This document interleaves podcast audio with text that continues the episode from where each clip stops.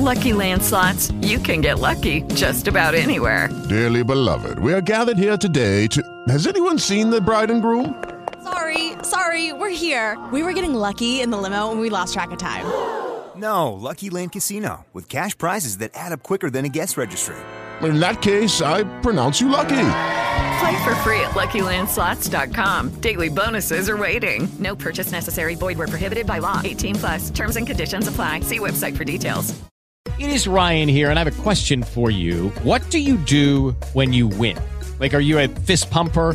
A woohooer, a hand clapper, a high fiver. I kind of like the high five, but if you want to hone in on those winning moves, check out Chumba Casino. At ChumbaCasino.com, choose from hundreds of social casino style games for your chance to redeem serious cash prizes. There are new game releases weekly, plus free daily bonuses. So don't wait. Start having the most fun ever at ChumbaCasino.com. No purchase necessary. VGW Group. Void were prohibited by law. See terms and conditions. 18 plus. Rap Radio presenta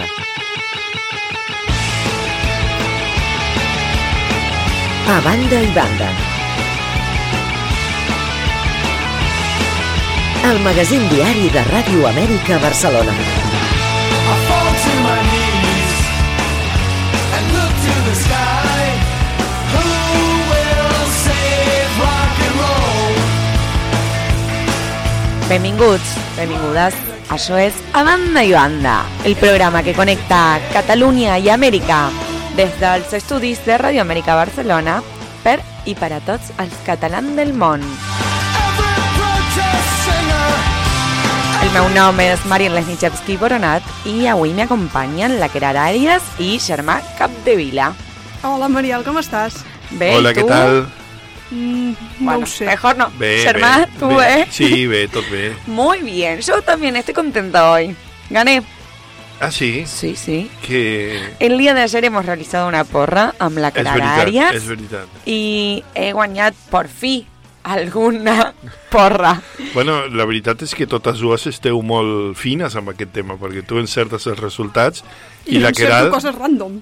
No, no, No, tu, nada tu vas random. dient a la taverna del Barça que Koeman no arribava a les castanyes, a menjar-se les No es menjava castanyes. els panellets, vaig dir que Tothom- m'agraden més. Tothom se't va riure i va dir "Eh, on vas, ser exagerada, no Tothom sé va què. dir, me'n recordo, me'n recordo que els de la taverna et deien, bueno, ells posaven com el Nadal, com per dir, Sí. ja ho veien molt, molt enllà. I jo els hi vaig dir, no es menja les castanyes. Es va fer un silenci monumental I tant. i es van posar a riure tots i van dir, què està dient aquesta dona? ¿de, ¿de qué están hablando? ¿Qué pasó? Yo me Eh, enteré solo que perdió el Barça, que ganó el Rayo 1 a 0 con un gol de eh, el ex jugador de River Plate y después me fui a dormir. Doncs parlem de les conseqüències d'aquesta derrota, oi, Exacte, Queralt? exacte, perquè el Barça va perdre la seva visita al camp del, Rayo, del Rayo Vallecano, perdoneu, eh, amb gol de Radamel Falcao, el Tigre, amic de la Mariel, pel que veiem. No, no, no, no, jugador de River. Todo- no, no. Ah, no, no és el teu amic? No, para nada. Excel·lent persona i millor professional del futbol. Aquí hay un, un gallina. Doncs bé, després d'aquest partit, Joan Laporta ja no va poder més, va ser la gota que va fer passar el got, Koeman portava acumulant una mica de partits amb una mala dinàmica, la veritat, després del clàssic i, i després d'aquest partit. I bé, han sonat molts noms, ja tenim... Qui serà. sona més, Queralt? Explica'ns, qui sona txan, més? A veure, a veure, a veure. Xavi Hernández és el nom que sona més. Em sona, em sona aquest. Un tal Xavi, no ho sé si ho sabeu, Sí, és sí, l'última eh, l'últim capità del Barça que va aixecar la última Champions del Barça el 2015. Mira. Admirador profundament de la cara d'Àries eh, des de que va néixer, però ja tenim qui serà el tècnic interí del Barça, que serà Sergi Barjuan, que serà l'entrenador del Barça aquests dos partits que queden, contra l'Alavés i, el de, i el de Champions abans de l'aturada de seleccions, i després pot ser que arribi Xavi. Muy bien, Pasó el- ampliaremos, ampliaremos esto justamente en el Spy Sportivo de A Banda y Banda. ¿Sí, Germán? No, no, era un Queri- comentari ya que me el guardo para ya- los Por países. favor, sí, sí, porque si no ya estamos adelantando todo este programa de eh, hoy, eh, de shows 28 de eh, octubre y como siempre vamos a comenzar el programa informándoles a todas las personas que nos están escuchando dónde nos van a poder encontrar. Doncs a través de les xarxes socials, Ràdio Amèrica Barcelona a Instagram i Rap Oficial a Twitter. I si voleu recuperar tots els podcasts de banda i banda, ho podeu fer a les plataformes habituals, com són Spotify, SoundCloud, Amazon Music, Apple Podcast o Google Podcast, la repetició a les 11 de la nit, hora catalana, i també podeu trobar tots els podcasts de tot Ràdio Amèrica Barcelona a rap.cat barra podcast. Y si queremos encontrar entonces el programa de La Taberna del Barça, donde tú dices que no se llega a las castañas, ¿dónde está? Igualment a les mateixes Ah, plataformes, molt ho podeu trobar a Spotify, a SoundCloud, Amazon Music, Apple Podcast, Google Podcast, allà ho podreu trobar, com jo dic, que Koeman no es menja els panellets i a sac complet i com els altres se'n reguen de mi. O sigui, els oients, si volen saber el número de la loteria de Nadal d'aquest any, que li envien un missatge a la Mariel i a la Queralt i us ho dirà. No, no, la Mariel és de números. La Mariel és la que Ah. encerta els resultats. Ah, Tens bé. raó, tens Soc, raó. soc jo la que encerta les coses de... mm, Ra- em- Sí, sí, coses rares. Está bien, cuantitativo, cualitativo, tú lo cualitativo y yo lo cuantitativo. Exacto. Muy bien.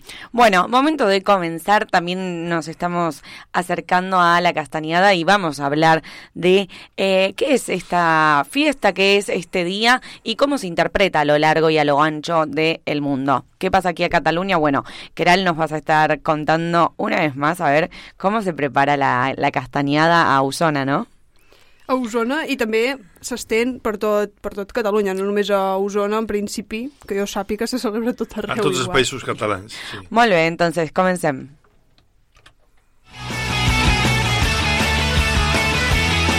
A banda i banda, el magazín diari de Rap Ràdio. My generation is not the salvation. Who will save rock and roll? ¿Y cómo se celebrará la castañada en Colombia? Bueno, volvemos a conectar con Héctor para ver, por favor, si nos puede contar esto y toda la actualidad del país latinoamericano. Héctor, ¿cómo estás? Hola, bon dia. Doncs difícil, difícil celebrar la castanyada a Colòmbia perquè bàsicament no hi ha castanyers. Per tant, no sé d'on traurem la castanya. No, És un detall menor, Héctor, aquest. És un... Clar, no hay... com a molt, com a molt moniatos, si voleu. Vale, bien, bueno, o, yu- bueno. o yucas. Qué rico igual. Y, por ejemplo, ¿podemos cocinar igual pana panayets o tampoco?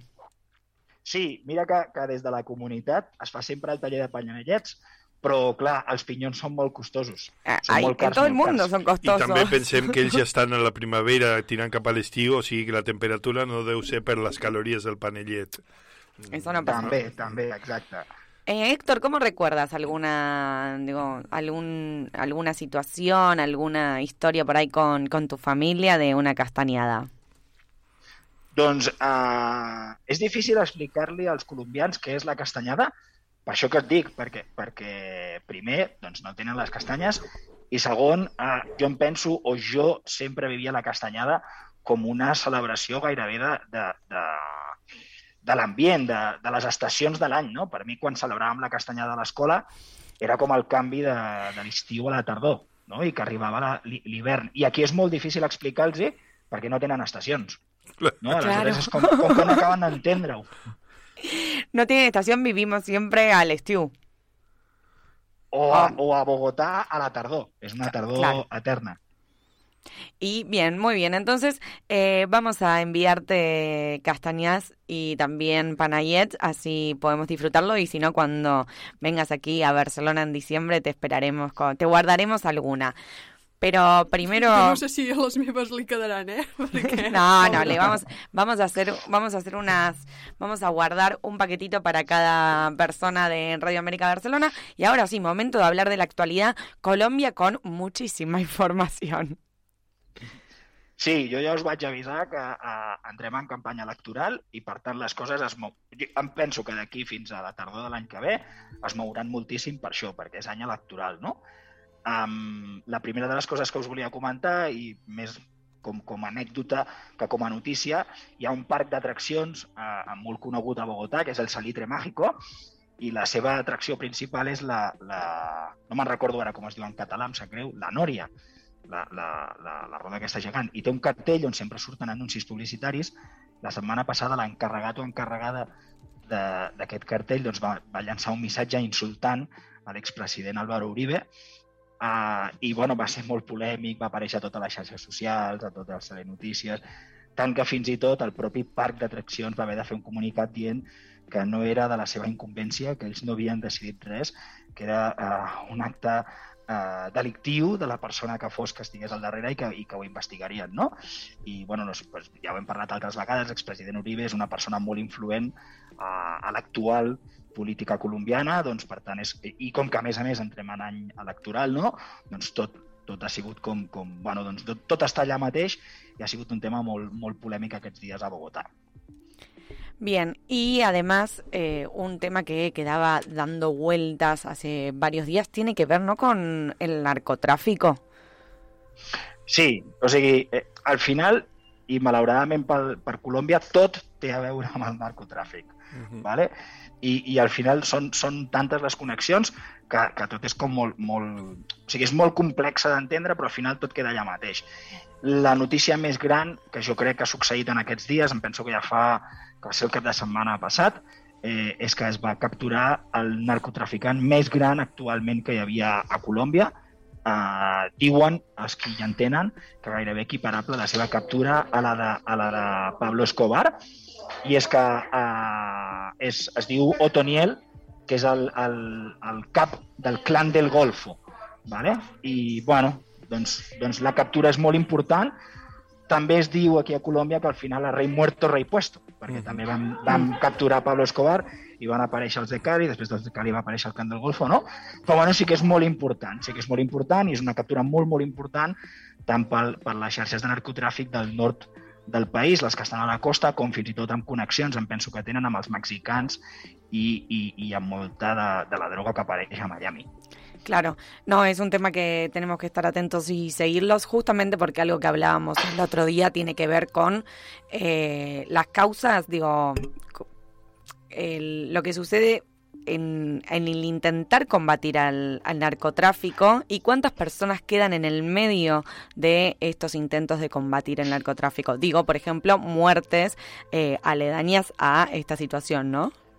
Exacte, Mariel. Mira que fa, que fa pocs no, de, de los daños colaterales, les muertes colaterales d'aquests intents de captura d'aquests grans narcotraficants. No? I també, també i, i arran d'aquesta notícia de la captura de l'Otoniel, està siguent molt comentat que, no sé si, si us ha arribat, la fotografia de com el capturen, ell surt somrient, no surt ni preocupat, Clar. no surt, eh, no sé, no surt tampoc que la policia l'agafi i el mantingui, no, no, surt realment molt tranquil, molt relaxat, no?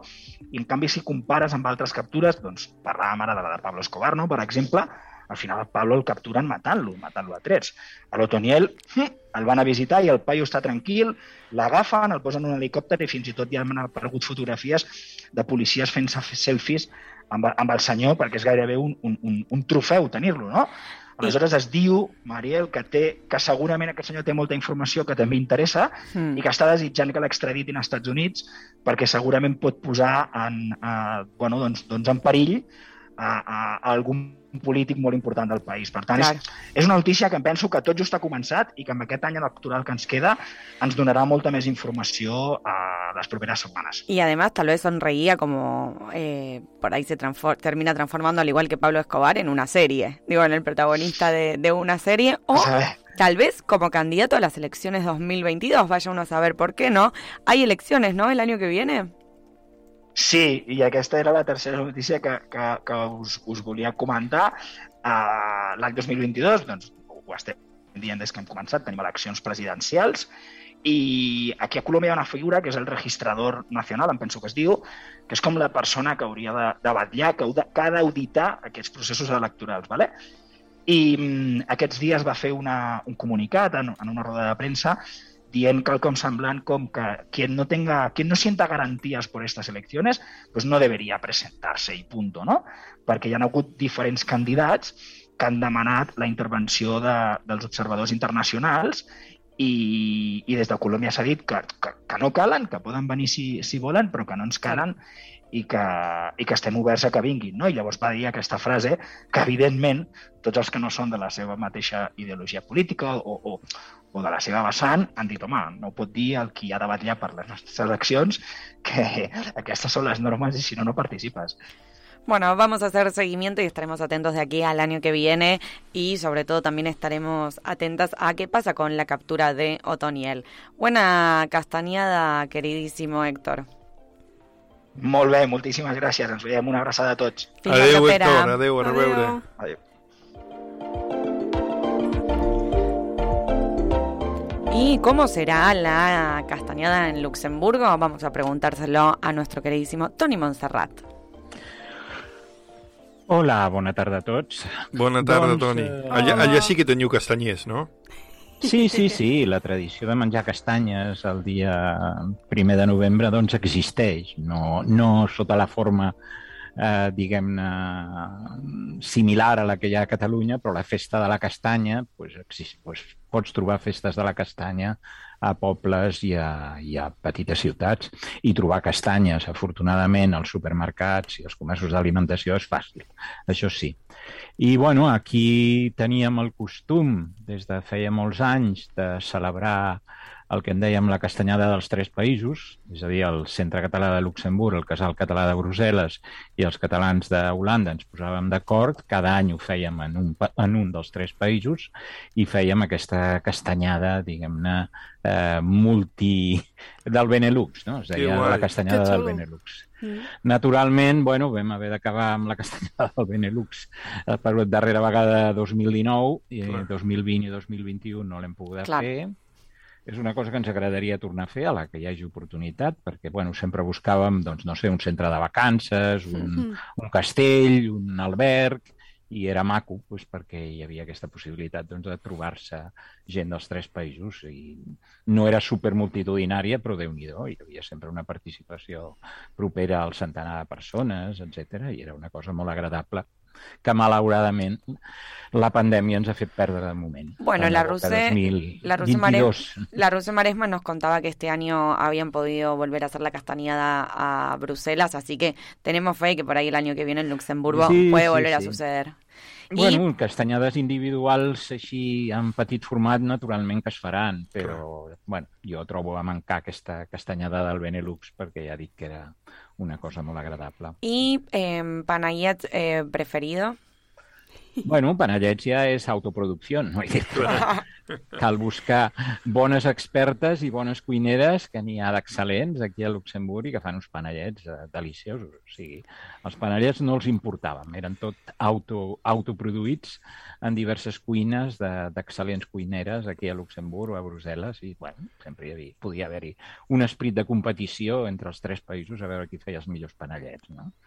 Jo crec que sempre guanyava Luxemburg, però bueno, Muy bien, muy bien. Ahora sí, Tony, momento de pasar a la actualidad. ¿Qué información tenemos el día de hoy? Bueno, jo crec que una cosa de la que espero, espero i desitjo que se'n parli els propers dies als mitjans de comunicació és la Conferència de les Nacions Unides sobre el Canvi Climàtic, la COP26, que comença el dia 1 de novembre a Glasgow, a Escòcia. Aquesta conferència durarà 12 dies. Serà de l'1 al 12 de novembre, o sigui que espero que els mitjans de comunicació tindran temps d'ocupar-se'n, encara que sigui només un dia o dos, perquè entenc que és una, una conferència molt important. El que passa és que, clar, aquestes conferències ara es fan anualment, eh, la COP25, la COP24, tothom recorda més o menys, i aleshores aquesta repetició de conferències sense resultats, siguem clars, en la majoria de casos, doncs han deixat potser d'interessar com haurien d'interessar a l'opinió pública. Però aquesta COP26, la de Glasgow, la d'aquest mes de novembre, jo entenc que és molt important, perquè recordareu que fa sis anys es va fer el famós acord de París Mhm. sobre la reducció de les emissions i aquest acord de París, malgrat que ja té sis anys de vida, encara no té el que en diuen unes eh, norm normes d'implementació. I aquestes normes d'implementació, sis anys més tard, doncs, s'han de discutir en aquesta conferència i bueno, és que és, és fonamental que el que ells en diuen el, el codi normatiu de l'acord de París eh, es posi en marxa i sigui acceptat per tots els països. Ja sabeu una mica que l'acord de París en, en l'any eh, fa sis anys doncs 195 països el van signar, van decidir reduir les seves emissions i l'objectiu és que la temperatura mitjana global del planeta se situï eh, per sota de menys de 2 graus d'augment al final de la dècada i el més possible, eh, perdó, del segle, i el més possible a prop de 1,5 graus d'augment. Eh, si no es compleix res del que es va acordar, el que els experts han definit eh, no fa gaire és que l'augment de temperatura d'aquí a final de segle seria de 2,7 graus, pràcticament 3 graus. Això és un autèntic desastre. És un autèntic desastre, sobretot pels petits països, per les petites illes i pels països que no tenen els recursos ni la capacitat per poder frenar front al canvi climàtic. Clar, com diuen en castellà, llueve sobre mojado. Ara acabem de passar una pandèmia terrible que ha mobilitzat molts recursos per combatre-la i en aquests moments, doncs, diguem-ne que des de molts estats, sobretot els més endeutats, mobilitzar recursos per fer front al canvi climàtic resulta pràcticament impossible. No? També una cosa important que s'ha de discutir en aquesta conferència és el compromís que es va adoptar per part dels països desenvolupats de destinar 100.000 milions de dòlars de financiació internacional a la lluita pel canvi, contra el canvi climàtic entre els anys 2020 i 2025, que són justament adreçats ajudar aquests països que tenen autèntiques dificultats per arribar-hi. No? Eh, en fi, què donarà de si aquesta conferència? Home, mm, un sempre prefereix ser optimista que pessimista, no? això és evident, perquè en aquests moments la situació comença a complicar-se. És a dir, ja no hem de parlar només de canvi climàtic, sinó que hem de començar a parlar molt seriosament de les conseqüències eh, en, el, en termes de salut global del canvi climàtic. És a dir, les pandèmies que puguin venir i la que estem visquent, hi ha una relació directa amb la nostra forma de vida i en la forma com estem afrontant la relació, per exemple, amb la natura o amb el món animal, en aquest cas, uh -huh. atès que els coronavirus són, per regla general, el que en diuen eh, malalties de transmissió zoonòtica, és a dir, que passen dels animals als homes simplement perquè els hi han pres l'hàbitat ells agafen el nostre hàbitat i, bueno, y aquesta interacció doncs, acaba per convertir-se en una auténtica catástrofe. No sé por qué me suena el coronavirus, algo de, de esto que estás diciendo, pero eh, en el último tiempo gran parte de las personas que han tomado conciencia sobre esto que tú decías tiene que ver con la juventud. Y ahí han empezado a surgir movimientos ecologistas, movimientos que se re- los reconocen como movimientos verdes. Eh, ¿Consideras que puede haber alguna manifestación eh, cerca de este evento, que puede llegar a aparecer la conocida Greta o que funcionará así totalmente con normalidad? En els plans eh, al voltant de la conferència de Glasgow estan previstos 150 actes paral·lels. 150. O sigui que eh, segur que la Greta apareix, vaja, no, no sé exactament a quin, però efectivament doncs, hi ha mm, tota una sèrie de manifestacions paral·leles, de cimeres paral·leles, de conferències paral·leles, etc etc. I com tu dius molt bé, efectivament, si algun tema ha mobilitzat d'una forma massiva els, la, els sectors més joves a tots els països, perquè Mm. això seria a tots els països sense excepció, és la lluita contra el canvi climàtic. És a dir, les vagues estudiantils, les vagues eh, inclús a ensenyament mitjà, no només universitàries, eh, fetes a, a molts països, bueno, aquí a Luxemburg igual, com a, com a molts altres, són realment potser les manifestacions en termes de mobilització juvenil més grosses que pots veure arreu del món. No? Això és, és cert, tu vas avui dia pues, a una conferència eh, de solidaritat, no sé, amb el Sàhara o amb Palestina o etc. i bueno, pues la mitjana d'edat és la que és. I si tu vas a una conferència sobre el canvi climàtic, pues la mitjana d'edat és que és baixíssima i tu tendeixes a sentir-te com, hòstia, què foto jo aquí, no? Perquè No, bueno, soc la- pero- soc pero- l'avi de tots els presents. Però bé... Pero eh, está crec que això buenísimo porque habla de una cierta esperanza de un futuro un, un poquito más consciente sobre lo que hacemos o no eh, al ecosistema, al mundo. Así que confiemos también en, en que esa juventud tome, tome voz y voto y, y pueda, ¿no? Presionar un poco para que esta agenda que tú nos contabas hace un instante se cumpla. Evidentment, i a més que, clar, el, diguem-ne, la lluita contra el canvi climàtic jo crec que també té una gran capacitat d'integrar altres lluites, no? Vull dir, avui dia es parla molt i amb molta raó de l'ecofeminisme, Mm. en el sentit de que cal reconèixer quin és el paper de la dona, en el sentit de qui assumeix els, cuida els cuidados i el, i el seguiment de les persones malaltes quan es produeixen aquestes pandèmies. Evidentment, hi ha una desigualtat en això que l'ecofeminisme crec que presenta i denuncia d'una manera molt adequada, ¿no? Totalmente, lo mismo la crítica a un sistema capitalista más cuadrado y que solo fomenta ¿no? un consumo masivo, digo, de pensar un consumo más responsable, así que confiamos ¿no? en, en estos jóvenes. Evidentment. Me voy a incluir, igual que eh? parlem d'ecofeminisme, doncs parlem d'ecosocialisme, que jo crec que és també un, una forma que en aquests moments molts partits polítics de l'esquerra més eh, radical utilitzen, és a dir, més que parlar avui dia de- d'esquerres anticapitalistes, a Europa es parla molt d'esquerres ecosocialistes. No? Mhm. El que passa que aquí a Catalunya aquest nom d'ecosocialisme el va monopolitzar en un moment determinat un determinat partit polític i potser és un nom que aquí a Catalunya ha quedat com a mínim senyalat, no? Sí, sí. Però a d'altres països és absolutament normal que les esquerres belgues, luxemburgeses, holandeses, franceses utilitzin el terme ecosocialisme com un signe d'identitat. No? A Catalunya, bueno, ja dic que hi ha un problema jo allò te- de drets d'autor que seria complicat. Tony, yo te veo igual liderando alguno de estos espacios porque la verdad es que es muy importante que tengamos la información de, de estos temas, de estas temáticas y siempre nos traes eh, estas, estas noticias que resultan muy interesantes. Así que quedaremos atentas a lo que suceda la semana que viene y como siempre, muchísimas gracias y molt bona castanyada. A vosaltres també, ho passeu tots molt bé i fins la setmana que ve. Gràcies, Antoni. propera. A reveure. With the Lucky Land slots, you can get lucky just about anywhere. This is your captain speaking. Uh, we've got clear runway and the weather's fine, but we're just going to circle up here a while and uh, get lucky. No, no, nothing like that. It's just these cash prizes add up quick. So I suggest you sit back, keep your tray table upright, and start getting lucky. Play for free at LuckyLandSlots.com. Are you feeling lucky? No purchase necessary. Void where prohibited by law. 18 plus terms and conditions apply. See website for details. Lucky Land Casino asking people what's the weirdest place you've gotten lucky? Lucky? In line at the deli, I guess? Aha, in my dentist's office.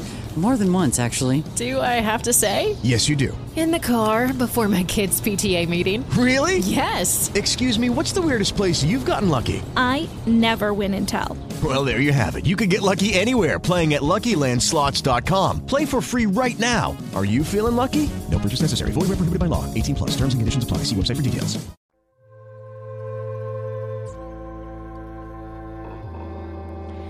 Queral, ¿qué pasa aquí a Catalunya? Bé, Mariel, a part del tema dels esports, que ho explicarem més endavant perquè crec que és una de l'actualitat del moment, es pot dir, ahir vam anunciar de que avui hi havia una vaga del sector públic i és que aquest dijous es va eh, s'han manifestat pels carrers de Barcelona per demanar l'estabilització del personal interí i denunciar l'elevada temporalitat de l'administració. Els sindicats CGT, CNT i IAC, majoritari a la Generalitat i a l'ensenyament, han convocat aquesta aturada de 24 hores que a Mariel no tenen el suport de la UGT ni de comissions obreres. Què passa? De moment, els serveis mínims previstos s'han complert. És a dir, no ha passat com va passar fa unes setmanes amb Renfe de que els serveis mínims no es van complir. Sí, igual había varios retrasos y, y hubo algunos inconvenientes en el, en el transporte y la movilización de, de Renfe. Exacte, però no, va, no ha sigut No, no tan, de la magnitud, tan no? bèstia Claro. i tanta magnitud com avançava bu- els rodalies regionals, ferrocarrils de la Generalitat, bus i metro, han pogut oferir un 85% del servei durant tot el dia d'avui. Eh, en Sans, eh, ¿qué se veía, Germà? Tú que estuviste esta Normalitat, mañana. normalitat absoluta, sí. Muy bien. I pel que fa a les, a les escoles, als centres educatius públics, el govern doncs, va dictar els serveis mínims de dos docents per cada quatre classes infantils de primària i un de cada tres per a l'ESO, i, i bé, doncs d'aquesta manera sí que s'han complert pel que fa a l'educació i a les llars d'infants hi ha hagut un 50% de la plantilla i pel que fa a la sanitat s'ha pogut fer el fun uh, funcionar el servei sanitari doncs ha pogut d'urgències tant de les unitats especials com de la UCI o de la UBI doncs ha pogut funcionar com, com sempre, la veritat. Mariel, eh, us tallo perquè tenim una notícia pràcticament d'última hora. Fa pocs minuts ha arribat un nou revés a l'estat espanyol eh, i un cop més ve de Brussel·les, de Bèlgica. Recordeu el cas de Baltònic, que està exiliat a Bèlgica perquè Sí. sí. està condemnat per injúries a la corona, per aquest rap que deia los borbones són unos ladrones.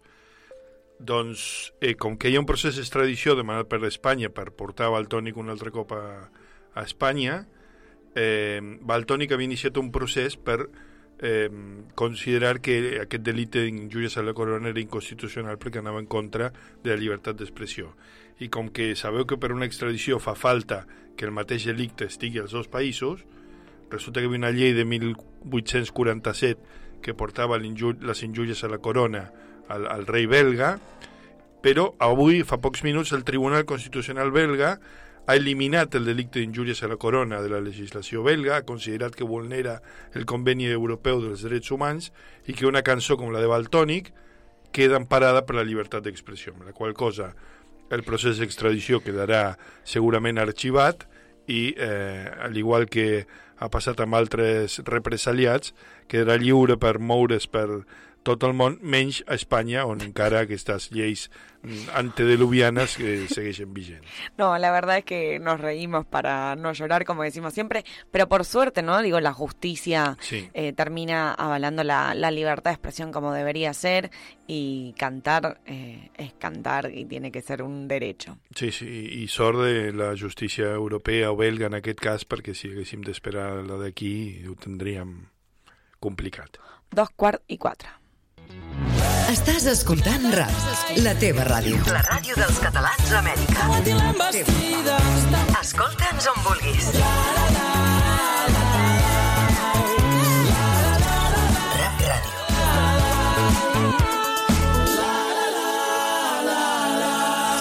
Descarrega't-la. Step into the world of power, loyalty, and luck. I'm gonna make him an offer he can't refuse. With family, cannolis, and spins mean everything. Now, you wanna get mixed up in the family business. Introducing The Godfather at ChumbaCasino.com. Test your luck in the shadowy world of The Godfather slot. Someday, I will call upon you to do a service for me. Play The Godfather now at ChumbaCasino.com. Welcome to the family. VGW Group. No purchase necessary. Void where prohibited by law. See terms and conditions. 18 plus. Lucky Land Casino asking people what's the weirdest place you've gotten lucky? Lucky? In line at the deli, I guess? Aha, in my dentist's office.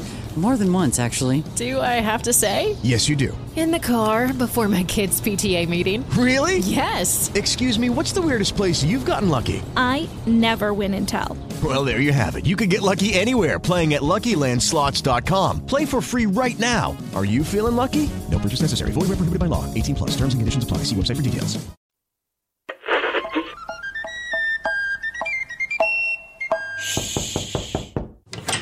Què tal, amics? Mireu, sóc en Josep Rivera i us espero cada cap de setmana a Ràdio Amèrica Barcelona. Catalunya sardanista. Sempre que vulgueu, a rap.cat ens trobareu. Rap Ràdio. En un moment de crisi sanitària com l'actual, rebem multitud d'informacions i d'imatges. Abans de compartir-les, però, ens hem de preguntar estem segurs que són veritat?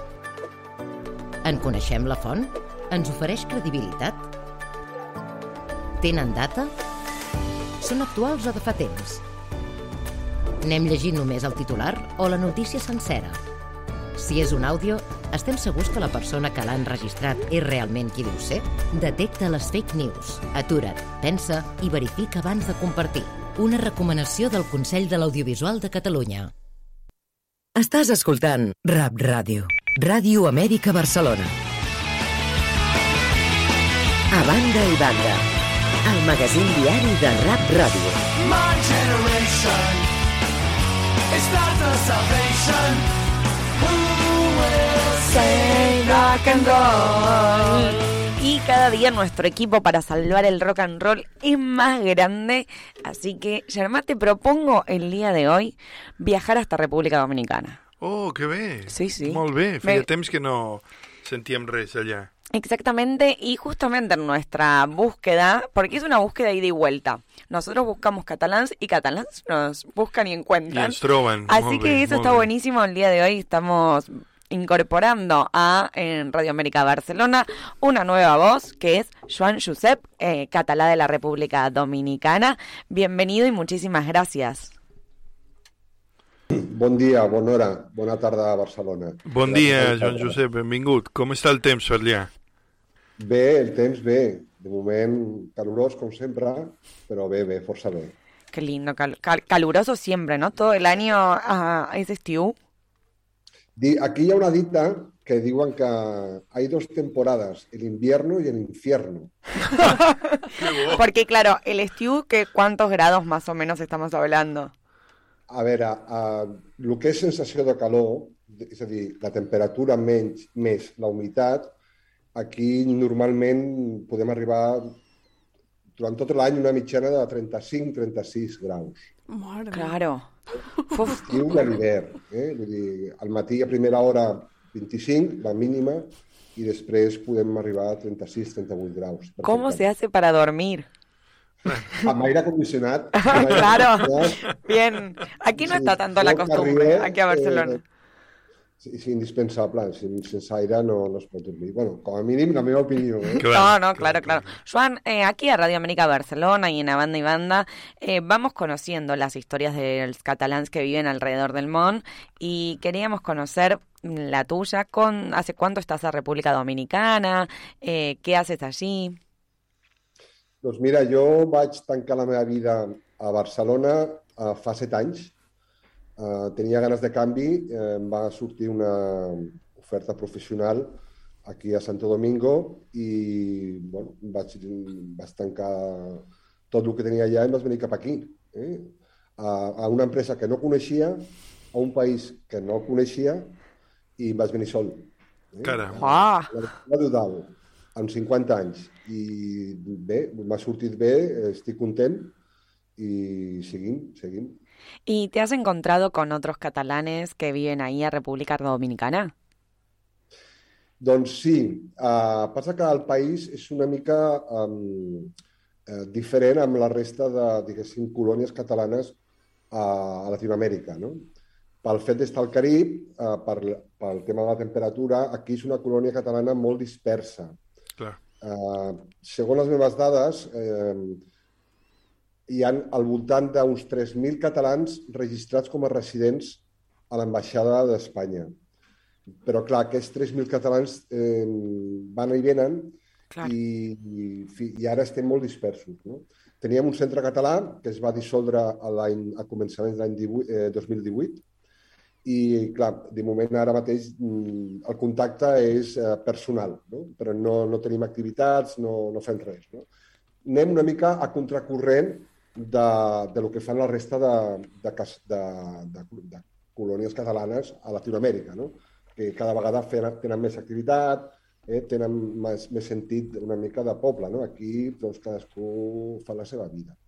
I és una llàstima, per una altra banda. No? En tot cas, en- tenim eh, iniciatives com Radio Amèrica Barcelona que t'ajuden a estar en contacte no només amb el que passa a Catalunya, sinó amb el que fan també altres catalans d'Amèrica, que és una mica la nostra, la nostra raó de ser. Per això ens va fer molta il·lusió que ens contactessis a través de les xarxes socials i poder conèixer la teva, la teva vida, la teva aventura. A més a més, m'agrada moltíssim aquesta, aquesta eh, idea de, de que mai no és tard per tornar a començar o per iniciar una aventura com aquestes, no? Perquè altres persones dirien, ui, als 50 Mhm. tornar a, a començar de zero o arriscar-me a, a, a si me adapto o no me adapto, si funciona, si no funciona, i mira, set anys eh, després... Nosaltres som una eina important de, de comunicació entre els catalans, com a mínim eh, per part meva, vull dir, jo crec que també feu una feina, una tasca molt, molt important i sí, també és cert que la meva decisió també mm,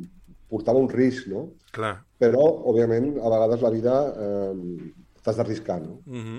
Mhm. Igual imagino que debe haber algo de particular que extrañas, alguna actividad, por ejemplo, ahora se acerca la castañada, eh, alguna comida. ¿Qué, ¿Qué se te viene a la cabeza cuando pensás en Cataluña? Doncs mira, gràcies a Déu eh, que ara mateix, en 8 hores, pots estar connectat i agafar un vol i estar a Barcelona. No? Mhm. Jo, el mes de, ju de juny passat, vaig estar allà durant do- un mes i mig. No? Però sí que és cert que al dia a dia eh, doncs trobes a faltar moltes coses. No? I sobretot trobes a faltar eh, el contacte amb la gent. No? la comunicació personal al carrer, amb, no només amb els teus, no? sinó amb els uh, ciutadans. No? Perquè no és el mateix, òbviament, veure TV3 en directe, com ho veus, uh, estar a Twitter i llegir totes les notícies per internet i escoltar-vos a vosaltres, que conviure um, directament amb la societat. No? Aquesta distància, el dia a dia, um, a mesura que va passant el temps, es nota més. No? I què trobo a faltar més? Doncs potser, a part d'això, doncs, clar, les festes populars, que aquí, clar, no celebren res, eh, veure el Barça amb sis hores de diferència, de distància, doncs també és molt, és molt estrany, no?, veure un partit a les 10 del matí. Doncs uh, aquestes coses, no? A mi, de, de vegades, em sembla que la República Dominicana és un d'aquests països dels quals tenim molts prejudicis, no? Eh, això l'imaginem d'una manera i tenim preconceptes. Eh, a tu et va passar quan vas arribar que vas descobrir un país diferent al que t'esperaves? O com va anar això? Potser sí. Jo, la veritat és que tampoc, quan eh, em van oferir venir aquí, no tenia gaire informació, no? perquè el que tu acabes de dir també és cert, no només prejudicis, sinó també tenim desinformació. Claro. I, a- quan diem República Dominicana, no pensem doncs, a Punta Cana, a Bávaro, les platges i, i els huracans. No? Sí, sí, sí, sí, sí. Les informacions que arriben no? uh, i poca, poca cosa més. No? I, òbviament, a mesura que, que coneixes el país, te n'adones que hi ha més coses positives i negatives, no? com tots els països i totes les societats. No? Després fas un resum i dius, òbviament, eh, l'important aquí és quan viatges, quan emigres, quan un, un, un català qualsevol vola, mm, se'n va a un altre país a viure, per mi el més important és anar amb la mentalitat oberta, no? sense fer comparacions, sense comparar. No? Ujú. Eh? Tenir la ment oberta i, i acceptar tot el que et vingui. No? E imagino que el intercambio cultural en, esto, eh, en estos años ha sido interesante. ¿Con, con qué te has encontrado a nivel eh, cultural? ¿Música, arte, comida? ¿Qué, qué podemos destacar? A veure, música, eh, per descomptat aquí, eh, el merengue bachata és el que s'escolta 24 hores. ¿Eres un buen ¿Te has transformado en un buen, en un buen bailarín? Sí, sí, me- més o menys sí. sí, perquè no hi ha molta més música, no? I, i música anglesa o anglosaxona no s'escolta, no? Mira. Bàsicament és aquests dos tipus de música, no?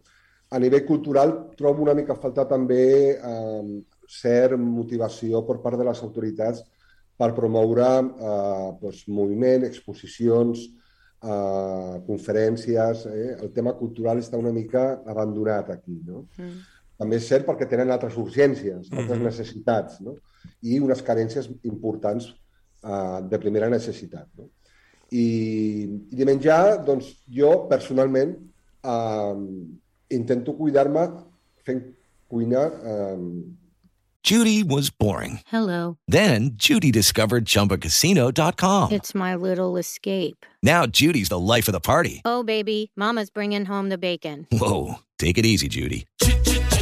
The Chumba life is for everybody. So go to ChumbaCasino.com and play over 100 casino style games. Join today and play for free for your chance to redeem some serious prizes. ChumbaCasino.com. No purchase necessary. Void where prohibited by law. 18 plus terms and conditions apply. See website for details. catalana, no? Eh, surts menjar coses de, eh, dominicanes, no? Arroz con habichuelas, no? que diuen aquí, el típic plat, arroz con habichuelas. No? Però aquí es menja molt hidrats, molt, molta caloria. Arroz y patata, molta, ¿no? Molta, plàtan, banana, eh, sí, molta, molta menjar calòric. I llavors has d'intentar doncs, administrar segons eh, les teves necessitats. No? És un altre concepte de l'alimentació de la que tenim nosaltres, per exemple, aquí a Espanya, a Catalunya. Bueno, Josep, te agradecemos muchísimo y eh, queríamos abrir este espacio y quedar en contacto para poder incorporarte a Radio América Barcelona, esta yarda que vamos armando día a día y imagino que para el próximo contacto podemos profundizar un poco en la actualidad de República Dominicana. Siempre al abrir el programa hacemos una ronda de actualidad por América Latina, así que nos gustaría poder contar con la información de República Dominicana. Per descomptat, podeu comptar amb mi sempre que em necessiteu. Muchísimas gracias y un placer. Gràcies, a reveure. Igualment, una abraçada. Juan Josep de es catalán viviendo en la República Dominicana y nos contaba la verdad un poco sobre este país y, y me gusta, me, me dieron ganas de, de poder ir a visitarlo a bailar bachata y reggaetón. I jo, I jo que sóc un sentimental, quan sento oients que, que posen en valor la ràdio i la feina que fem i el contacte que recuperen amb Catalunya i amb altres catalans, a mi amb això ja m'ha ja m'ha arreglat el dia i la setmana, el Joan Josep. Se ve que estaba bien otorgado el premio de la FIEC. ¿Qué, qué dice, señor? ¿Y cómo se ve yéndose ahora a vivir a República Dominicana? Mira, jo, no, no, jo seria com el Joan Josep, a mi no em faria por tornar a començar on sigui. Muy bien, vamos a ver qué, qué sucede en los próximos años de Sharma Capdevila.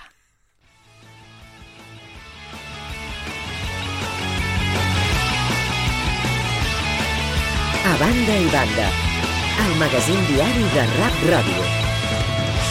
My generation is not the salvation. Seguim a la banda i banda de Radio Amèrica Barcelona amb la intenció de salvar el rock and roll. Mariel, no la trobes molt callada avui, la Caral? No, no, no. Està com absent, la veig trista, la veig apagada. Hoy llegué, estaba en la cocina, vino y, y me abrazó de la nada. Digo, ¿qué tal? ¿Qué pasó? ¿Qué, qué? No me enteré. Tipo, ¿qué, qué sucedió? Quin disgust, eh? Caral, quin disgust, eh? Intentaré parlar sense plorar, perquè la veritat és que porto una nit un- un- una nit i un dia bastant, bastant durs, la veritat. Però Ahir- diuen que les crisis són oportunitats, també. Potser és Exacte. l'oportunitat de que el Barça faci un... A més a més, la gent no parava de dir-me saps que pot venir Xavi? Saps que pot venir Xavi? Allà posant-me el dit a la llaga i jo, colla, deixa'm dormir, ostres. Jo ja m'imagino una unitat mòbil de Radio Amèrica Barcelona a l'aeroport de Barcelona, del Prat, esperant l'arribada del Xavi Hernández No des puc, de Qatar. jo, jo no puc, perquè saps quan els nens petits, quan no volen anar a l'escola, que s'enganxen com No, una no, lapa perdón, als seus pares? perdona, perdona, Seré perdona. jo, això amb Xavi, quan Yo el vegis. igual eh, debería ser tu mayor desafío profesional poder ar- ver la arribada del Xavi y eh, ser la mejor periodista y comportarse como tal para recibirlo, hacerle unas preguntas, preguntas periodísticas e irse, retornar a la radio sin haberse sacado ni una fotografía. Molt bé, no ho veig, eh? No, no, és que saps què passa? Jo sem sempre tinc el pensament de que el dia que jo coincideixi amb Xavi en un lloc, encara que ell estigui a 200 metres de mi, jo em desmaiaré i se n'en recordarà de mi perquè una periodista s'ha desmaiat Va davant caure rodona a la roda de Exacte. premsa. I aquesta persona seré jo.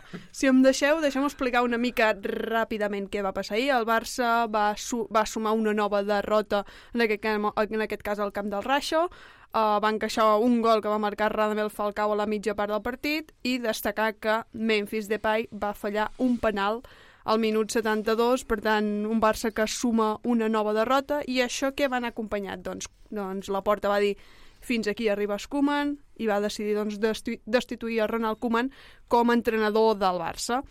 A partir d'aquí van haver-hi moltes, moltes, moltes conspiracions, què passava, qui ocuparà la banqueta del Barça, van haver-hi molts, molts noms, la veritat. Si veiéssiu els grups de WhatsApp que jo tinc amb, amb culers, um, no paraven d'enviar tuits, d'enviar um, notícies. Alguns dels que sonaven era, per exemple, l'Albert Capelles, deia que podia, podien agafar les rendes de l'equip. En principi, des d'un principi van dir que hi hauria un uh, tècnic pont. Què vol dir un tècnic pont o un entrenador pont, Marial?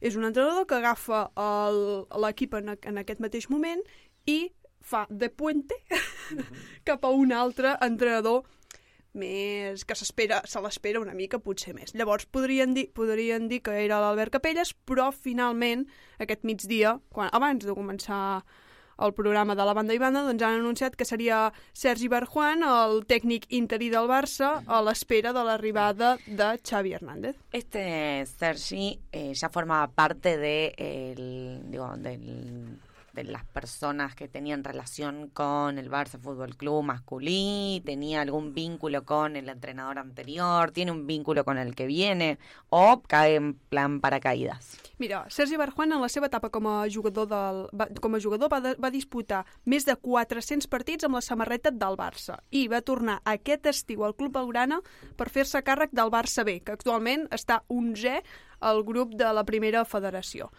O sigui, Um, també ho està fent molt bé. Sí, la veritat, Vols la veritat, la veritat és que sí. Què passa? Doncs... mm, Tal vez no, ens Sortim del foc per caure a les braces. no ens, no ens emocionem perquè, com bé he dit, en principi és un, és un entrenador interí, és el, un pont, ja s'està dient que Xavi ha pactat la seva tornada al Barça a l'espera del que digui el seu actual club l'Alçat, estan a l'espera, ¿Cómo le doncs... sale la sonrisa, eh? Sí, sí, sí, sí li, li brillen els ulls. Continúe, I tu creus- perdón. Jo, jo segueixo. Tu creus que ho farà, Caral? Sí. Sí, sí. O Fins sigui, i tot en aquests moments que s'agafa una patata calenta i...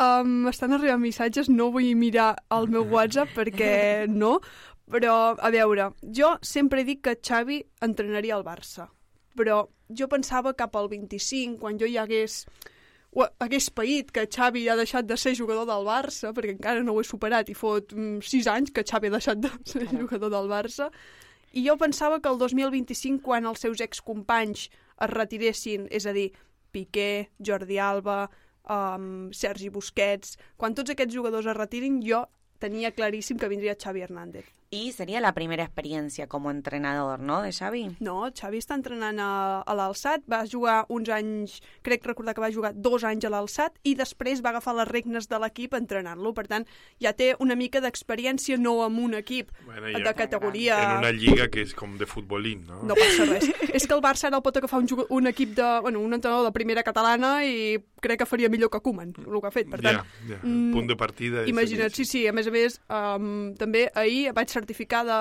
que Luc de Jong, aquest home, ha de marxar del Barça i han d'agafar algun, algun jugador de primera catalana perquè crec que són millors que, que Luc de Jong. I Mariel, dir-te que ahir el Kun Agüero va ser la seva primera titularitat, la veritat és que mm, no va poder sumar cap, cap gol, per tant, de moment porta un gol, un gol a la Lliga que porta Kun Agüero i les, les oportunitats del Barça sí que els hi va costar bastant arribar a la, a la porteria. Sí que la primera part semblava que el, Ra el Raixo era el que dominava el partit, els tenien en la palma de la mano. O sigui, és que ho semblava. Jo mirava el partit i dic, és que, de veritat, aquest equip necessita una remodelació ja. Qui podrà agafar les regnes d'aquest equip? Doncs no ho sé, perquè els jugadors no és que siguin dolents, sinó que necessiten un fil d'esperança, algú que els entreni bé, algú que els digui, eh, nois, desperteu, esteu al, mm, a la meitat de la classificació, què voleu, baixar segon amb el Girona? Doncs no.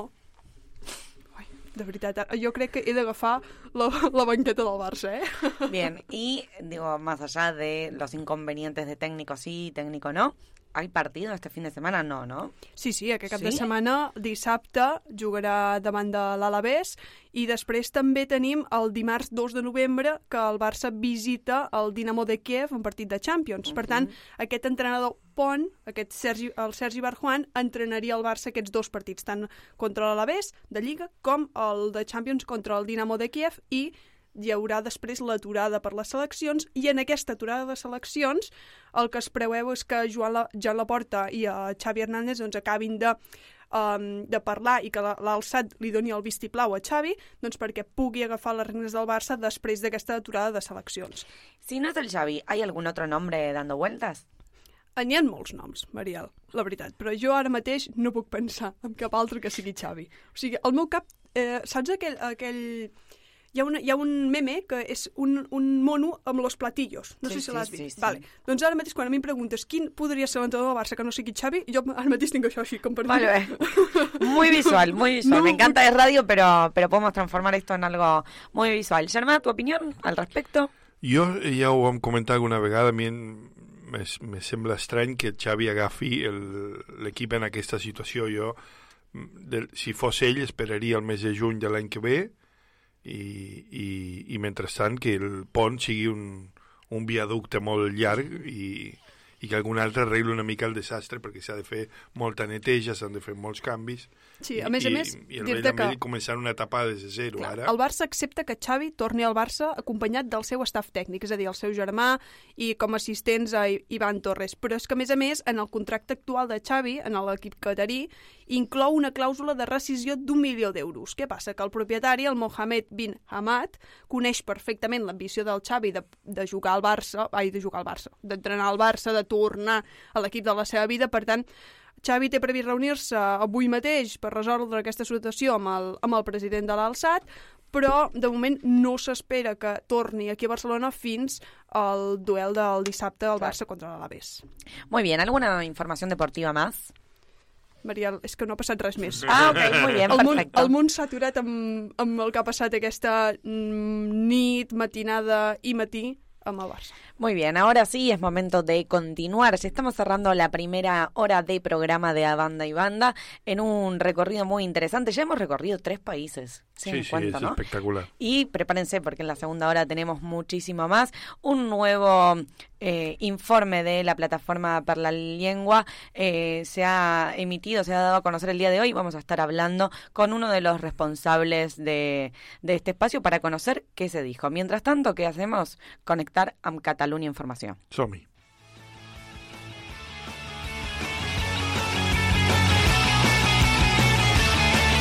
A banda i banda, el magazín diari de Rap Ràdio.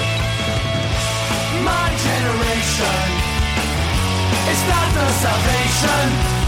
Who will save rock and roll? I saw the Stooges. A banda i banda, el magazín diari de Rap Ràdio. My generation is not the salvation. Who will save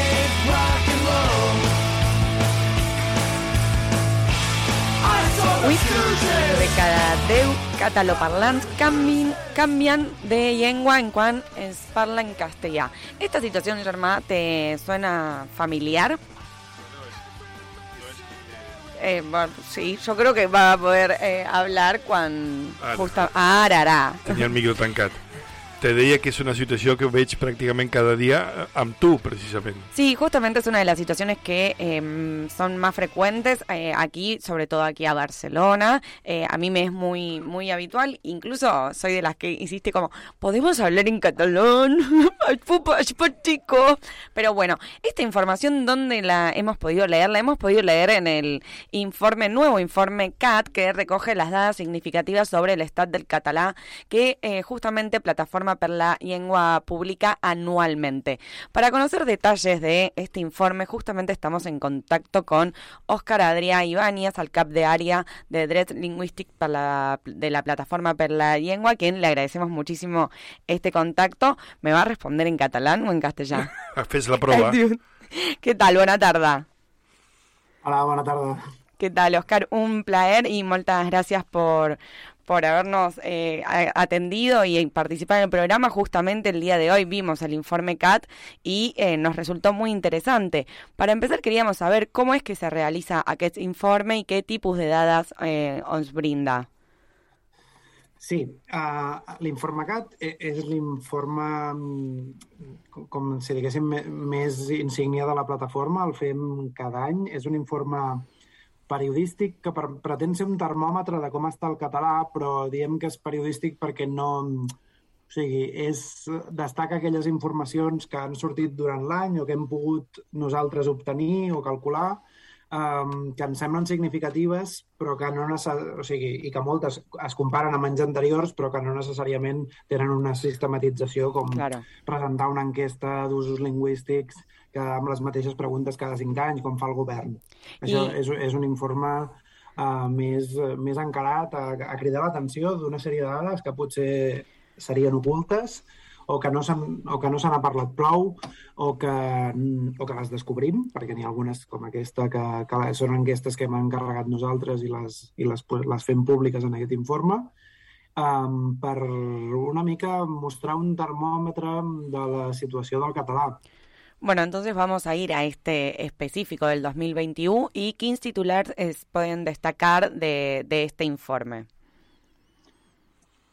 Um, Tenemos uno primero que era 8 de cada 10 cataloparlants canvian eh, de llengua quan es parla en castellà. Què, què altres eh, informacions eh, s'han trobat? Um, bé, doncs, eh, el, altres informacions que s'han trobat és, per exemple, una dada global del, de tot el domini lingüístic, de tot el territori de parla catalana, que és que només el 32% de la població que hi viu eh, parla en el seu dia a dia habitualment en català. I fa mm, 15 anys, o sigui, això bueno, ho hem calculat per, per l'any 2020, doncs el 2005, um, si ta- també amb els mateixos càlculs de població i enquestes lingüístiques de referència, érem sobre el 40% i teníem uh, 560.000 parlants més. És a dir, que hi ha una caiguda en nombre relatiu de parlants important, però també una caiguda en nombre absolut.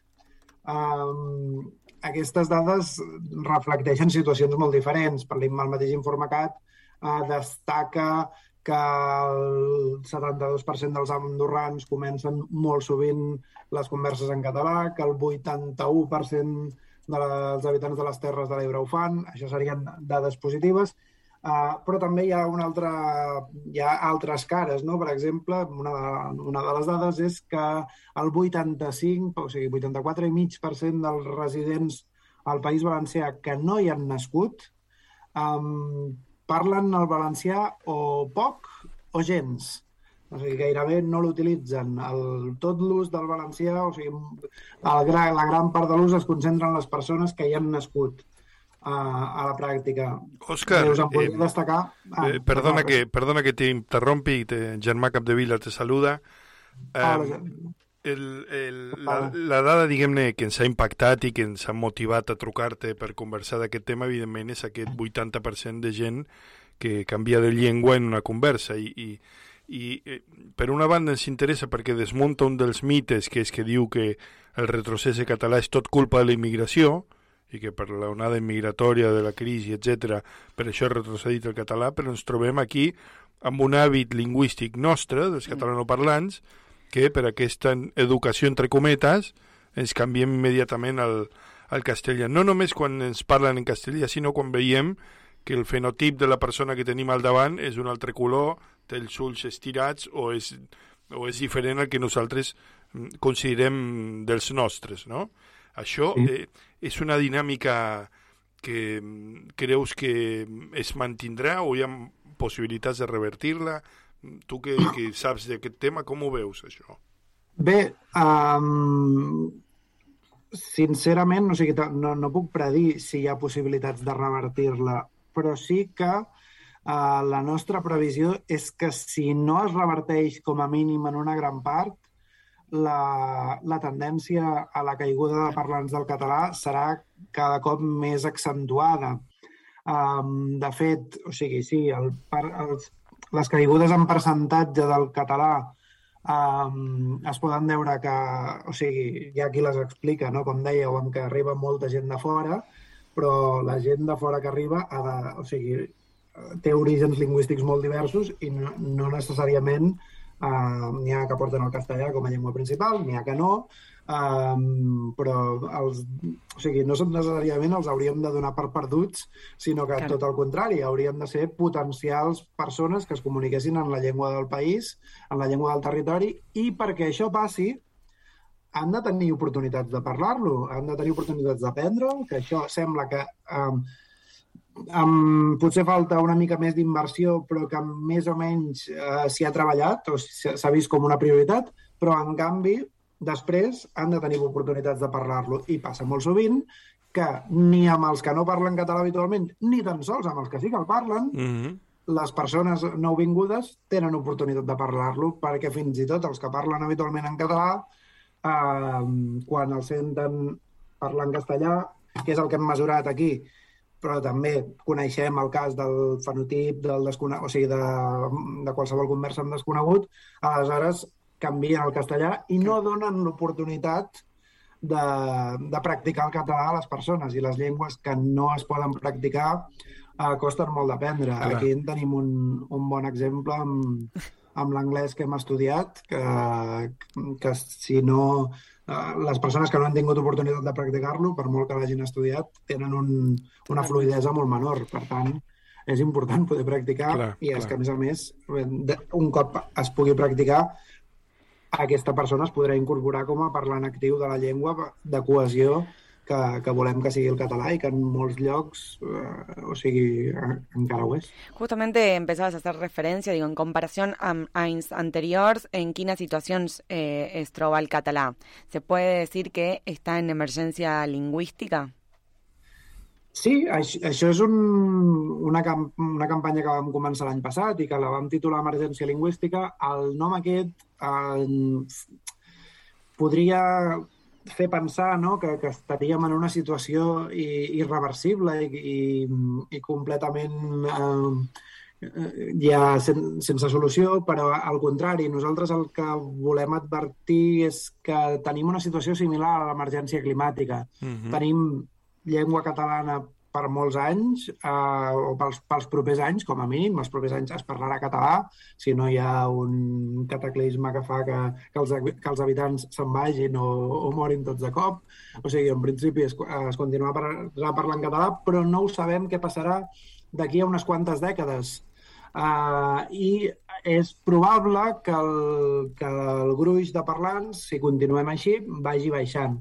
Per tant, si no prenem mesures ara, uh, és possible que la, que la caiguda, la residualització del català eh, arribi un moment en què ja sigui molt, molt difícil de, de, de, de revertir i, per tant, passem a ser una llengua molt en perill d'extinció, que no és el que, el que som ara. Ara tenim un, un potencial de parlants en, en molta part de, del territori, un potencial enorme. Eh, per qualsevol habitant del territori li és relativament senzill trobar eh, ambients on es parla català. Altra Mhm. cosa és que li acabin parlant català a ell, però o sigui, no és, o sigui, en qualsevol racó tens a, a prop un, un ambient en què es parla català.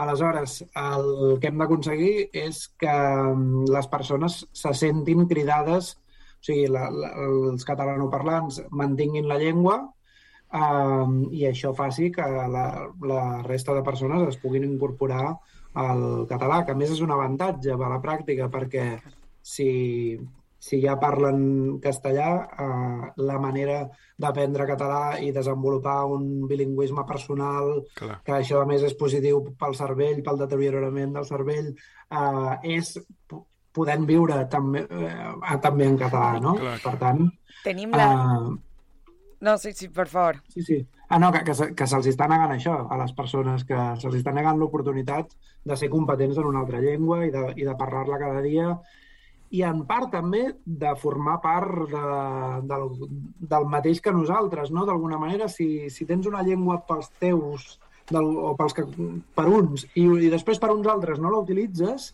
estàs com, com marcant un, una frontera i això no... sí, és una manera, una manera de, de involucrarse a nivell És que, cultural. és que això que ara està explicant l'Òscar me'n recordo un, un estudiant eh, argentina que havia estudiat català al Casal Català i, i al final es va quedar a viure aquí i que ella d'alguna manera em recriminava això, em deia si vosaltres parleu català entre vosaltres, però quan parleu amb mi es passeu al castellà, m'esteu dient que jo no podré ser mai de, Mhm. del, del vostre grup, sempre seré diferent. Ahà. I, I clar, el que inicialment un ho veu com una eh, educació, gentilesa per ajudar-la, que no es que entengui, no sé què, al final ella s'ho prenia com que era al contrari, l'estaves expulsant del grup i marcar-li con- marcant-li contínuament que era diferent. Òscar, tenim, tenim les dades, estem fet anàlisis, com podem transformar-les en polítiques lingüístiques? Doncs bé, eh, d'entrada, aquesta dada d'alguna manera està, eh, a més de, de per la, que, la que hem parlat més, aquesta del canvi de llengua, hem preguntat per unes causes. Eh, per viu, hem vist que per viu la sensació que és de mala educació Mhm. eh, parlar en català a qui no te'l parla. Hem vist que per viu el prejudici o sigui, d'alguna manera la gent augmenta moltíssim les possibilitats de parlar amb algú que no t'entendrà, que són possibilitats en la majoria de territoris de parla catalana són molt baixes, o sigui, la gran majoria de la gent t'entén quan parles català, és una minoria la que no, Uh, aleshores, eh, sigui, i el que fa la gent, no? Hi ha un, un gran gruix de gent que ha dit que era per, perquè tinc, pateixo que no m'entenguin, no? Uh, clar, aleshores, sí, un 16% dels que ho fa. O sigui, un 16% dels que, dels que canvia de llengua ho fa perquè pateix, perquè no l'entenguin. Clar, només hi ha un 5% de població que no t'entén a la pràctica, no? Augmentes molt les possibilitats i, a més, si no t'entén, t'ho faràs saber. Vull dir que en el cas que trobessis aquesta persona. Per tant, s'han de treballar aquestes actituds també des de les polítiques lingüístiques i després les polítiques lingüístiques han de treballar també perquè el català sigui una llengua útil, perquè no ens enganyem. No, no només amb que els catalanoparlants tinguin una, una actitud eh, seductora ho guanyaríem tot. Eh, la llengua també ha de ser útil, ha de tenir un valor econòmic i social perquè doncs, hi ha molta gent que sí que, que, que potser doncs, no, no té tant de temps, no viu en llocs on és més complicat practicar català ni tan sols amb catalanoparlants, perquè n'hi ha molt pocs. Hi ha moltes situacions i, i fins i tot hi ha molta gent que és hostil a dia d'avui, que, que viu Aleshores, eh, una, un altre gran gruix de les polítiques lingüístiques ha de ser que sigui útil i que sigui normal, que, que es vegi en el paisatge. Uh, per tant, uh, per exemple, la legislació que tenim ja aprovada i no hem fet complir, com la llei del cinema, que garanteix unes mínimes quotes de, de català al cinema, Um, ara també s'ha de lluitar per l'audiovisual a les, a les Mm. plataformes, que també és una de les dades Sí. que tenim, que ni tan sols les pel·lícules que existeixen en català les podem trobar en català. La llei del codi de consum, que tinguem tots els drets lingüístics al consum i que això també impacti en el paisatge lingüístic. Al final, que hi hagi una sensació que és una llengua força parlada, que a més a més els parlants te la parlen i que a més a més et pot ser útil per trobar feina, per trobar parella, eh, per trobar amics, eh, doncs és el combo que, que les polítiques lingüístiques s'han de, de posar com a, com a repte. Oscar, aquí al, al estudio habíamos pensado que una buena propuesta era también armar un campamento de verano, donde solo se parla en catalán, que, que era la mejor Ah, forma bien. que iba, un intensivo, que era la mejor forma que nadie me hable en castellano ni que yo pueda responder en castellano. Era- Bé, el, els bascos amb això han fet, en lloc d'un campament d'estiu, han fet una, uns, una jornada, una, o sigui, no diria una setmana perquè són 10 dies, han fet una, una època de l'any que ja han fet a dues vegades, amb dos, anys, o sigui, amb dos anys de diferència, que li diuen l'Euskara al dia, que vol dir l'època del basc, en aquest cas, eh, que fan, que parlen en aquesta llengua durant um, durant, o sigui, que a més es, es marquen amb uns identificadors de jo l'entenc o jo la parlo. I aleshores les persones es poden animar a fer-ho. Clar, um, sí que és veritat que, el, que au- en teoria, amb la situació de coneixement que tenim ara, això no hauria de ser necessari. Clar.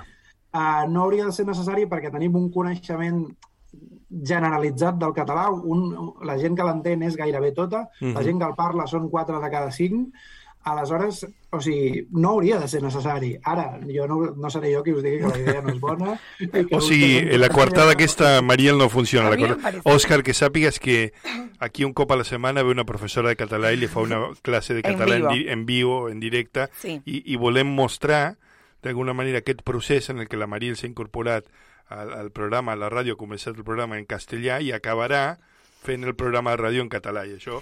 Molt bé. eh, De mica en mica.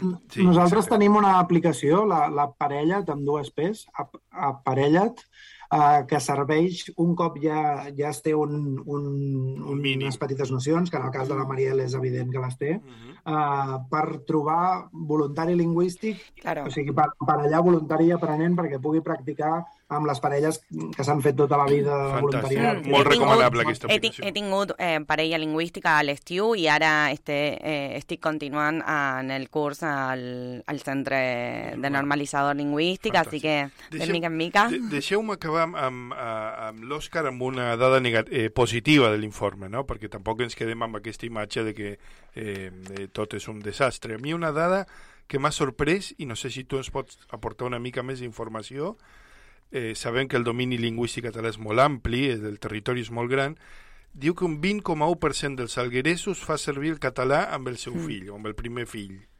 Això és una dada positiva, no? Sí, sí, sí. Eh, és una dada positiva amb un matís um, que al, a l'Alguer s'han- hi, ha, hi ha situacions com, com a molt diverses de maneres de relacionar-se amb la llengua. Hi ha, hi ha hagut un procés de substitució, evident, hi ha Claríssim. hagut famílies que l'han deixat de parlar, però no totes ho han fet d'una manera total. Um, aleshores, a, a l'enquesta responien que els parlaven doncs, sobretot en algarès o els parlaven sobretot en italià i també hi havia, hi havia gent que responia a algarès però també, o sigui, italià però també algarès que d'alguna manera això són gent que totes les cançons infantils que els hi han cantat han estat en català, eh, que tenen un substrat important i que eh, jo que, que hi he estat moltes vegades a l'Alguer, que mm, això els permet que el dia que es passa molt quan els hi ve un visitant de Catalunya, que, que tenen la necessitat de parlar-lo, el poden parlar. Però no tots el parlen amb la família d'una manera habitual. És a dir, poden, crec que era de, del 20% aquest i n'era un 6 que parlava habitualment en, en algarès d'una manera més plena, com a parlants parlants de, del tot, i uns parlants que parlaven italià però també algarès. Llavors, o sigui, que feien uns usos alternos, eh, alterns, perdó, i que en aquest, en, en aquest cas és gent que de seguida pot llançar-se a parlar en algarès, gent, gent jove que de seguida pot llançar-se a parlar en algarès, i és, és important que tinguin oportunitats de fer-ho també, en aquest cas, no? I, i el, allà, per exemple, gran part de la recuperació passa pel, pel turisme catalanoparlant. Per clar, l'intercanvi, Són, són clar. molt pocs i nosaltres som molts. Som molts, és un clar. lloc preciós eh, que us animo a visitar i a, i a provar de parlar en català. No s'hi val anar allí a practicar italià, que, que ho han fet molt català. Eh? Um, però bé, o sigui, això. Oscar Adrián Ibáñez, el cap de área de Dreads Linguistic de Plataforma per la Lengua. ¿Dónde podemos encontrar este informe? Y te agradecemos mucho por esta participación.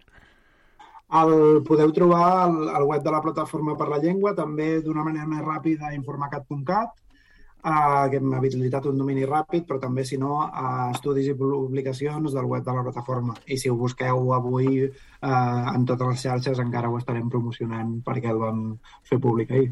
Moltes gràcies, bona castanyada y fins la propera. Bona castanyada i moltes gràcies a vosaltres. Bueno, así pudimos conocer un poco más de este informe que realizó Plataforma per la Lengua y la verdad que muy interesante. Continuamos, esto es a banda y banda. Estàs escoltant RAP, la teva ràdio. La ràdio dels catalans a Amèrica. Escolta'ns on vulguis. Rap Ràdio.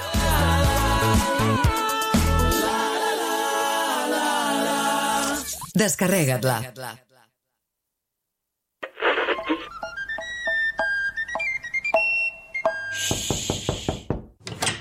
Què tal, amics? Mireu, sóc en Josep Rivera i us espero cada cap de setmana a Ràdio Amèrica Barcelona. Catalunya sardanista. Sempre que vulgueu, a rap.cat ens trobareu. Rap Ràdio. En un moment de crisi sanitària com l'actual, rebem multitud d'informacions i d'imatges. Abans de compartir-les, però, ens hem de preguntar estem segurs que són veritat? En coneixem la font? Ens ofereix credibilitat? Tenen data? Són actuals o de fa temps? N'hem llegit només el titular o la notícia sencera?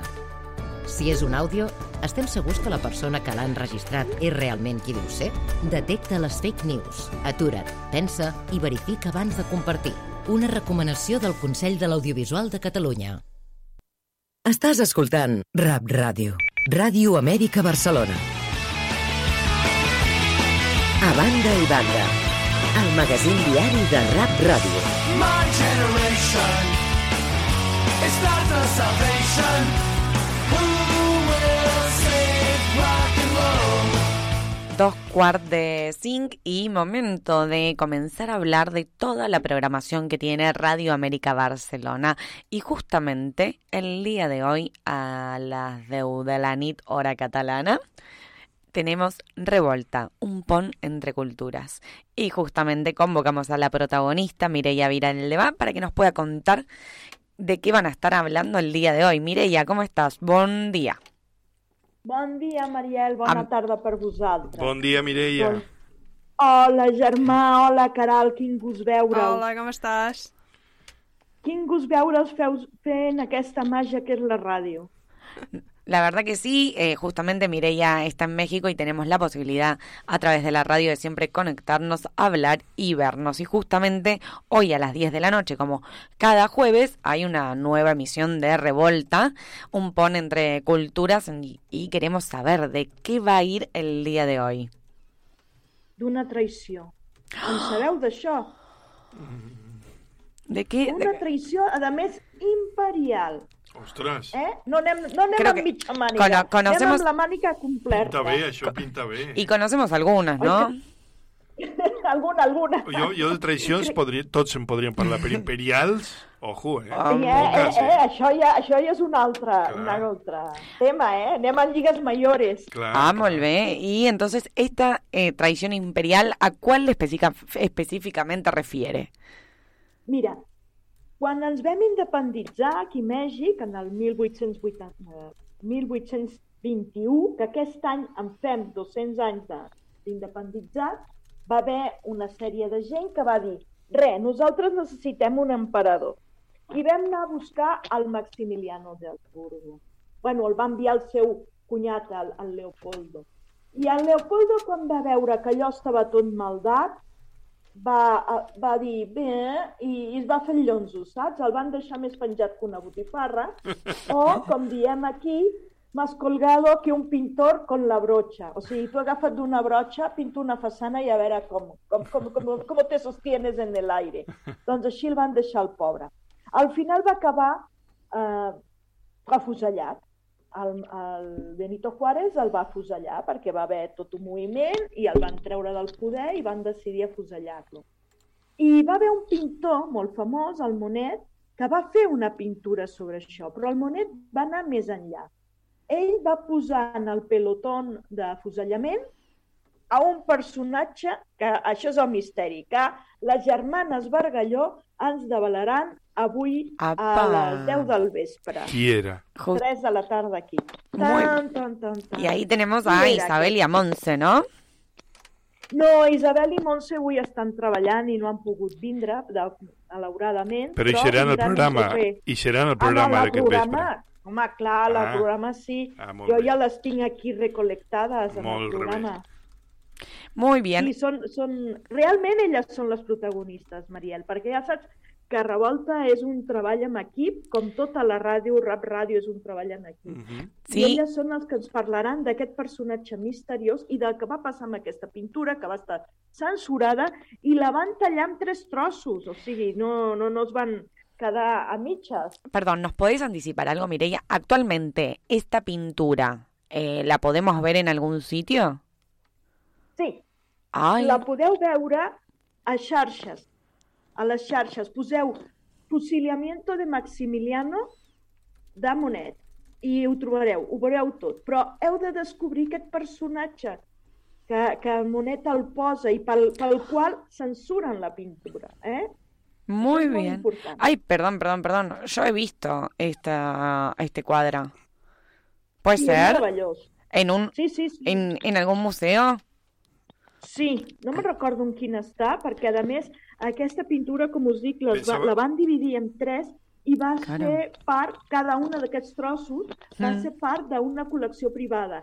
I va haver una persona que es va dedicar a juntar-les. Tot això ens ho expliquen les germanes Bargalló. Súper interesante. No Claro, ah, ya, ya sé dónde lo vi. Justamente lo vi en la National Gallery de Londres eh, eh, hace dos años. Pensaba que anabas a dir al menjador de la casa de la meva àvia. Ah, mira, pero espera, mira si a través de mira si a través del programa de la Mireia, a, tra- a través de la revolta, descubro Claro. que en el manchador de la Yaya eh, un está un manet. Me muero. Pero bueno, justamente eh, mejor estar al tanto de todo esto lo que sucede, a ver si descubrimos algún día algo así y para eso entonces hay que sintonizar Rap.cat a las 10 de la nit, hora catalana, para escuchar Revolta, un pon entre culturas con Mireia, Isabel y Monse. Y Mireia, te dejo a ti la invitación que le hagas a todas las personas que nos están escuchando. Doncs moltes gràcies, Mariel. Doncs ja sabeu, a les 10 de la nit us esperem amb un altre programa amb les germanes Bargalló i descobrirem, com si fos una, una, una, un thriller, La mano negra. Que se oculta detrás de toda esta historia. Fantàstic. Me encanta, vamos a in- sintonizar la ràdio. Entonces, Mireia, fins la propera i molta sort per aquesta búsqueda. Moltes gràcies a vosaltres i bon cap de setmana i bona castanyada, que em doneu molta enveja perquè per aquí no hi ha castanyes. Molt bé. Mengeu-ne unes a, a la meva salut. A la Ho teva farem, salut, sí, ho ho farem. ho Adéu, farem. Mireia, adéu. Adéu, petonars per tots, adéu. Adéu. Hoy, 10 de la nit, la rep... El magazín diari de Rap Ràdio. My generation is not the salvation. Who will save rock and roll? Y ahora sí, continuamos con la agenda, agenda de eh, en Radio América de Barcelona, agenda internacional, agenda de Casals. Y para eso, ¿quién mejor que la Merced Purqueras? Bienvenida, muchas gracias nuevamente por conectar con la banda y banda. Buen día. Bon dia, companys i companyes, com Dia, esteu? Mercè, molt bé, molt bé. I tu? Ja has esmorzat, Bé, sí, no? perfecte. Patint aquí, la calor i, i l'internet. Y ahora, Però, de, y ahora de calor, ¿no? Argentina. I tenim 28 gra graus. Y ha habido mateix. 37, leí.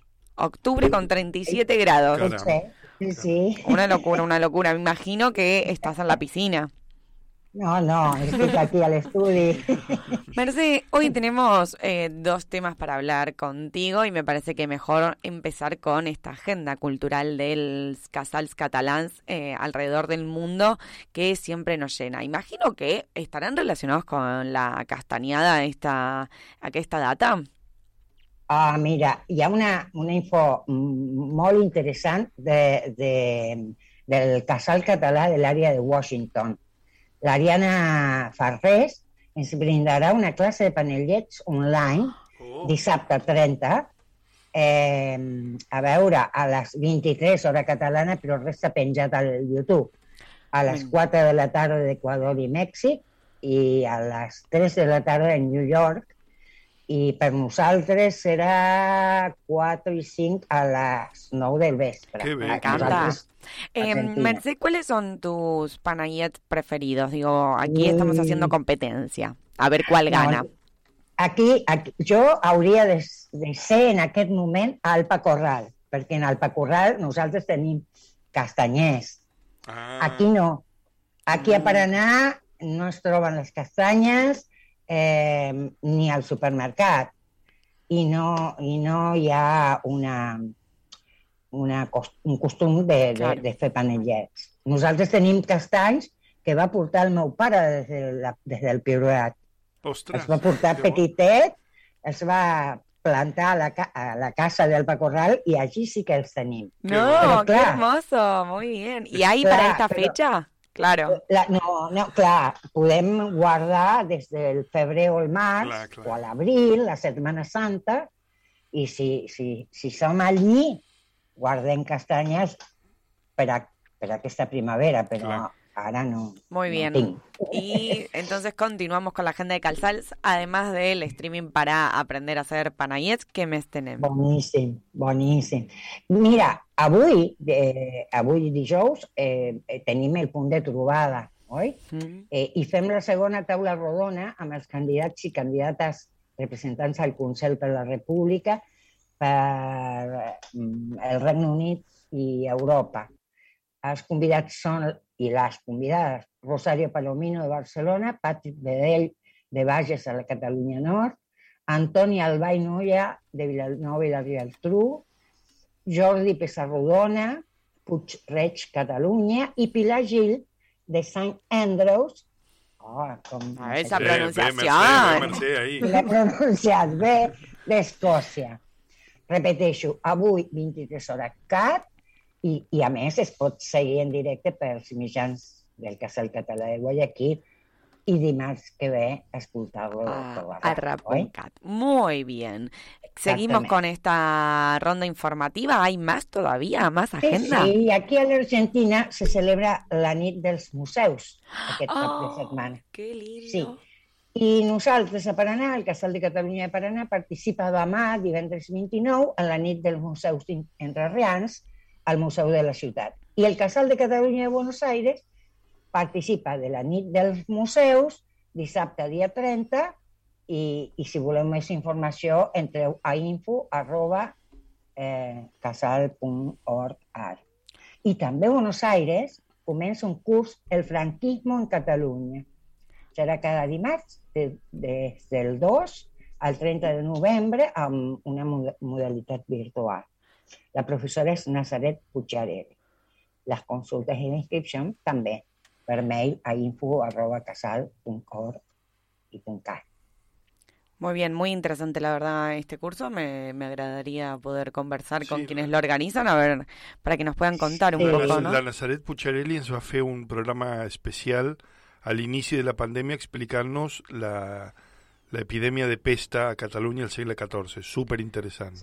Sí, molt, molt interessant, realment. Merced, Eh, y tenemos, vamos a hacer una ronda, una actividad más de, de esta agenda, porque además tenemos que promocionar todavía otra actividad. Demà tenim qui som. Exactamente. Sí, sí. Clar, sí, serà amb el Lluc Carulla que és nascut a Terrassa i és el president del Casal de Querétaro. Ah.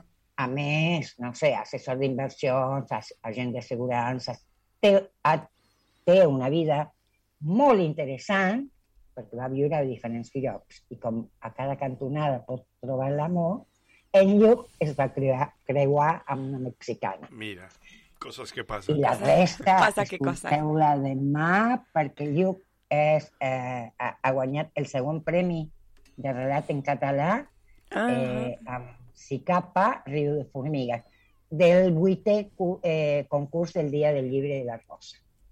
Muy bien, y todo esto suce- sucederá el día de mañana en Kisom, que se emite justamente a las 4 de la tarda, 4 hora de la tarde de Catalunya. 4 de la de la- hora catalana. A, la, a les Correcto. 3 tenim la Míriam i a les 4 la Mercè I- amb el Quisson. ¿Y tú sabes quién conduce el Deia- Kisom? Ara ja he Tu fet, t'he fet l'espoiler. Tu, tu deies eh, fa, fa un moment que, eh, no sé, que ens, ens eh, enganxem a la rap a, a les 11, 10 de la nit o a les 11 de la nit avui per escoltar la revolta, que, que aquestes noies també Sí, sí, sí. posen, posen una informació imprescindible. Jo dic que quan tu et lleves, poses el mòbil en, en rap.cat. Ara, Y que no lo apagues res. Molt bé. Clar, perquè tot el dia teniu molt bons programes. Clar que sí, clar que sí. Muy bien. Mercedes, ¿cuál va a ser tu actividad por la castañada? Esto ya a modo personal y sin agenda ni promoción. Mira, aquesta tarda, jo tinc, aquesta tarda a Argentina, tinc classe amb la canalla, la, amb les nenes de català. Mm. I, i dimarts eh, ja vam programar que avui parlaríem de, de, dels panellets, faríem panellets. Oh, que o bé. sigui que eh, aquesta tarda, bé, aquest, aquest vespre, eh, escoltaré la, la, la, la revolta eh, el, i, i menjant, menjant pate- panellets. Fantàstic. Muy bien, me en encanta. plan rodó. clar, clar, clar. Merci. Bé, eh, els panellets són... No tenim pinyons tampoc aquí, eh? No, el preu del Eh, piñón acá a Argentina. El, el farem amb, amb boniato Molt i, bé. i sí, ametlles eh, picades. Al, al otro día la Rusia Maresma contó que eh, lo hacía también con membrillo. És que el panellet clàssic és el dels pinyons, però després Ai, la, la gent va. innova. A mi el, de, el que té un quadradet de codony, que és el membrillo, a dalt, m'encanta també, és boníssim. Sí. I n'hi ha de Sí. xocolata, n'hi ha de... Bueno, el, el que Calla. vulguis. Pongámosle dulce de leche, Mercedes, ahí a Argentina. Mira, a, ver a ver cómo queda. Vamos a hacer la prueba. Bona castañada, Mercedes. Gràcies. Igual per vosaltres, una abraçada i, i Queralt, Digue'm. gaudeix, gaudeix. Està trista, la que la tenim Ai, apagada. és que avui, avui Mercè, et, de, et demano disculpes per no haver parlat amb tu, ara ho estic fent, però és que entre uh, que tinc al meu cap els panellets, i esteu parlant de panellets, o sigui, jo al meu cap tinc només dues coses, Xavi i panellets. Per tant, mm, Mercè, estàs al mig, al mig, al mig, estàs a punt, a punt de sortir, Entendible. però m'entens, no? Perfecte, moltes gràcies. Una abraçada, companys. A reveure, Mercè. Una altra, adeu, adeu. Muy bien, así la Mercedes Porqueras contándonos eh, qué, cuál es la agenda del Casals, justamente receta de Panayet en vivo y en directo en el del canal de YouTube de Guayaquil y también el Kizom, que eh, esta entrevista que se va a poder escuchar mañana a las 4 de la tarde de hora catalana en rap.cat. Estàs escoltant RAP, la teva ràdio. La ràdio dels catalans d'Amèrica. Escolta'ns on vulguis. RAP Ràdio.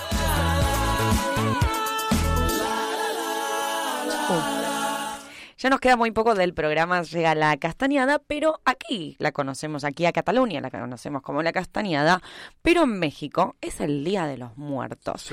Una fecha que se hizo conocida más eh, en el mundo a través de una película muy bonita que es Coco.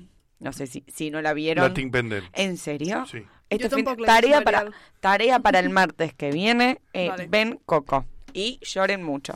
Eh, tienen permitido llorar. ¿Es cierto, Miriam, lo que nos muestran en Coco? ¿Cómo estás? Bienvenida. Hola, ¿cómo están todos? Bien, bien. Pues mira, eh, ciertamente el Día de Muertos es una fecha para recordar a los muertos, de convivir con ellos, de anular eh, imaginariamente esta frontera entre el estar vivo y el, y el estar muerto. ¿no? Es una celebración pues, que se, se realiza fundamentalmente para garantizar a los seres queridos, a los difuntos, una bienvenida digna. ¿no? A- a- a- y un retorno, em, no sé, material eh, memorable. En, en realidad es una celebración de la vida agasajando a los que ya no están. Eso es lo que, lo que es en realidad. Se ha adjudicado el origen de la, de la fiesta o de esta celebración a, la- a los mexicas, pero realmente los antropólogos e historiadores han desmentido este origen, ¿no? Y lo que pasa es que, pues actualmente lo que conocemos como esta tradición, pues surge a partir del mestizaje, es decir, de la mezcla de, del culto a la muerte que tenían los pueblos originarios con la religión católica, ¿no?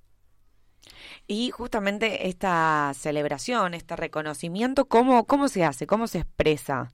¿Cómo se lleva por ahí a, a- a la realidad en cada, en cada primero de noviembre?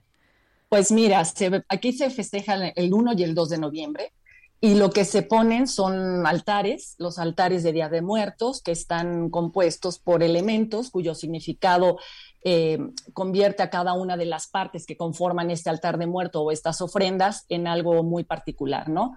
Eh, estas ofrendas se colocan, por ejemplo, en mesas, ¿no? Que a veces tienen dos niveles que simbolizan uno el cielo, otro la tierra. A veces incluye un tercer nivel, que bueno, ya está, en- con esto incluyen al purgatorio.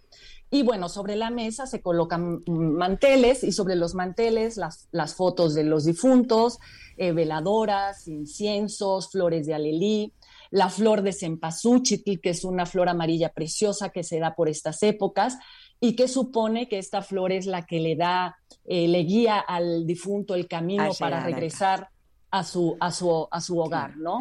Y- También se hacen Miriam, calaveritas de azúcar, sí, dime. Eh, eh, ¿Tiene alguna relación con la religión esta, digo, esta ceremonia, este día, o pasa más por algo cultural?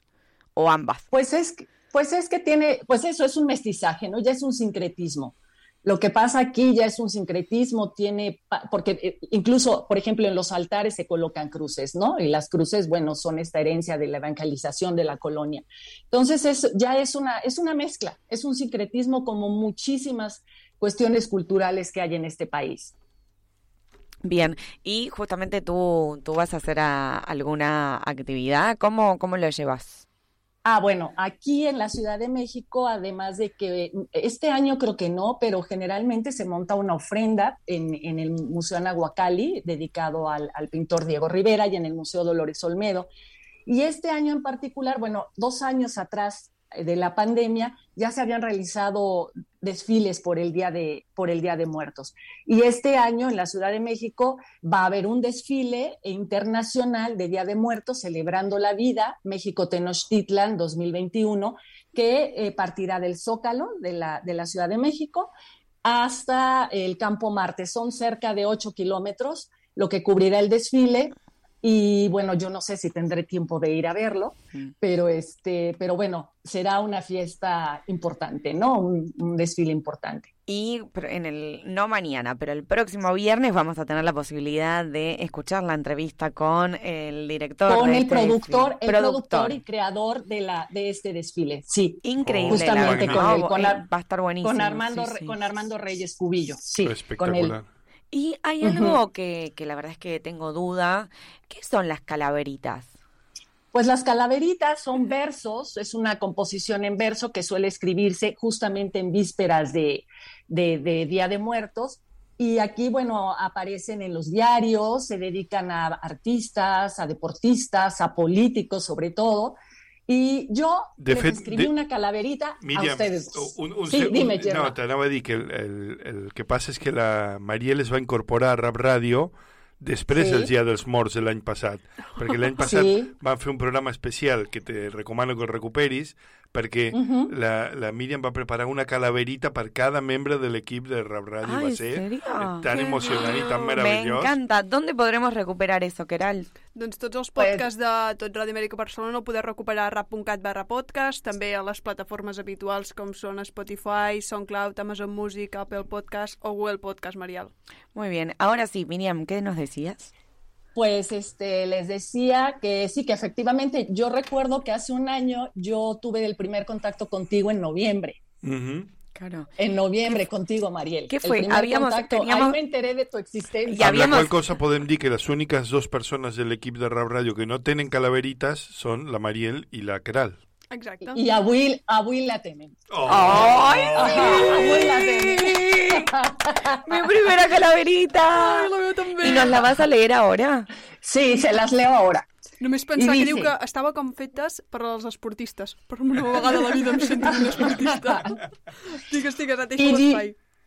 y diu, que aparece la Catrina en de a banda a banda un día. ¿Qué hago aquí? se decía, si yo dormía tranquila. Pero una voz repetía, vete de una vez por todas a recoger a esas niñas. En Barcelona te esperan sentadas en unas sillas. Ah, caray, estas eran las niñas. La Queralt y la Mariel no se ven cosa sencilla. No creo que quieran irse conmigo a pasear por la lagunilla. Espera, Mariel, espera, que escolto una veu que brilla. ¿Qué dices, Queralt? ¿Que hay alguien que nos espía? Sí, soy yo, queridas amigas mías. Han venido por ustedes. Habrás de esperar una mica. ¿Una mica? No entiendo lo que me dices, pero hemos de apurar el paso porque ya voy con retraso. Lo siento mucho, Katrina. La Queralt y yo, en el ocaso, no salimos ni a la esquina. Tan, tan. Meravellós!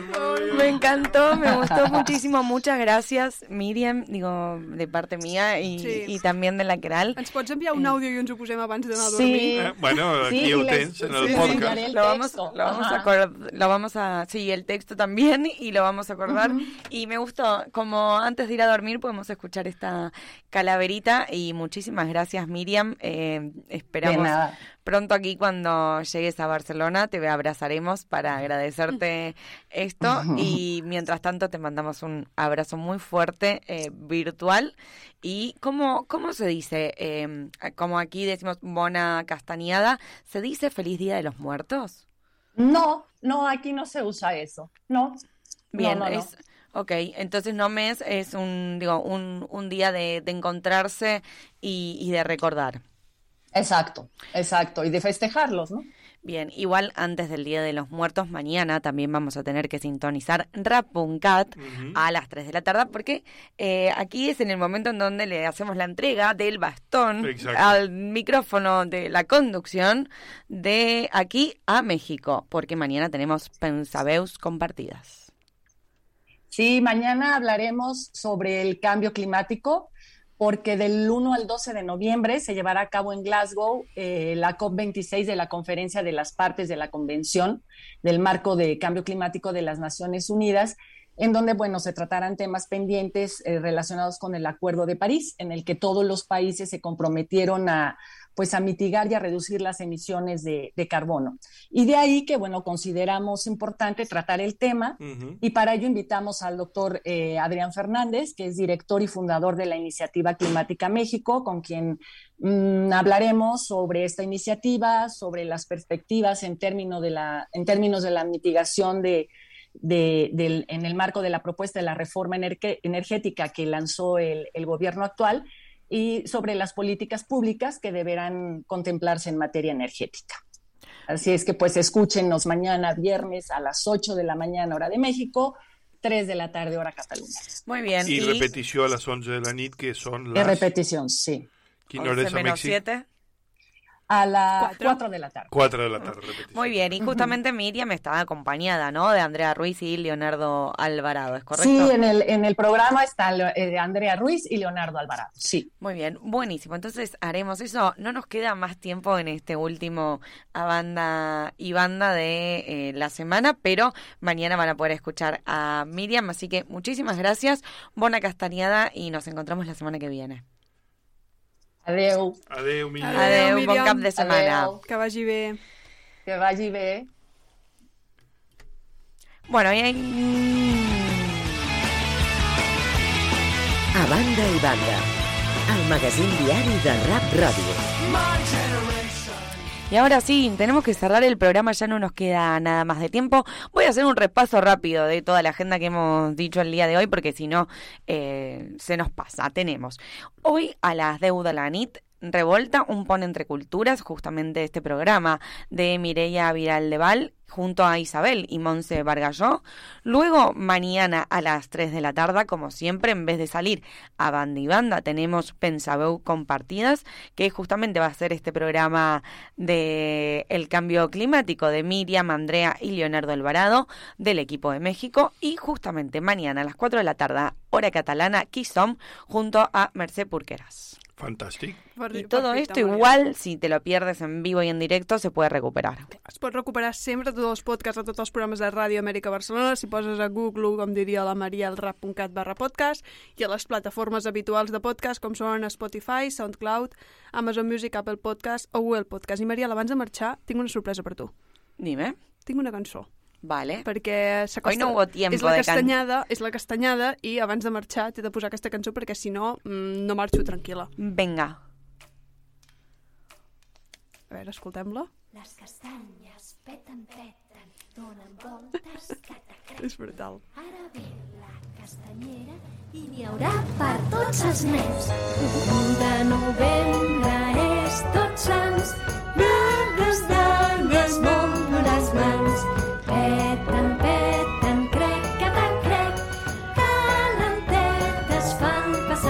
Me gusta, me gusta mucho. Me parece que es una buena manera de aprender sobre qué es la castañada y qué se hace. Así que És que és, és, és impressionant, eh, Maria? me, me gusta, me gusta muchísimo.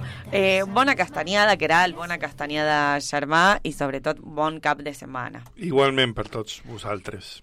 Nosotros nos vamos a reencontrar el día martes a las 3 de la tarde, hora catalana, pero como siempre saben que todo la información la tienen en rap.cat, que pueden volver a escuchar cada programa y como siempre una programación sumamente completa de los catalans de todo el mundo que se reúnen aquí en rap.cat.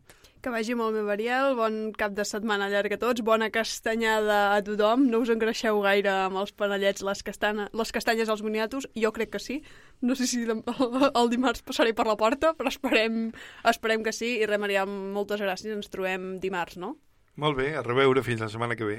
Fin la semana que ve, bona castañada y ahora quédense escuchando una estona de folk.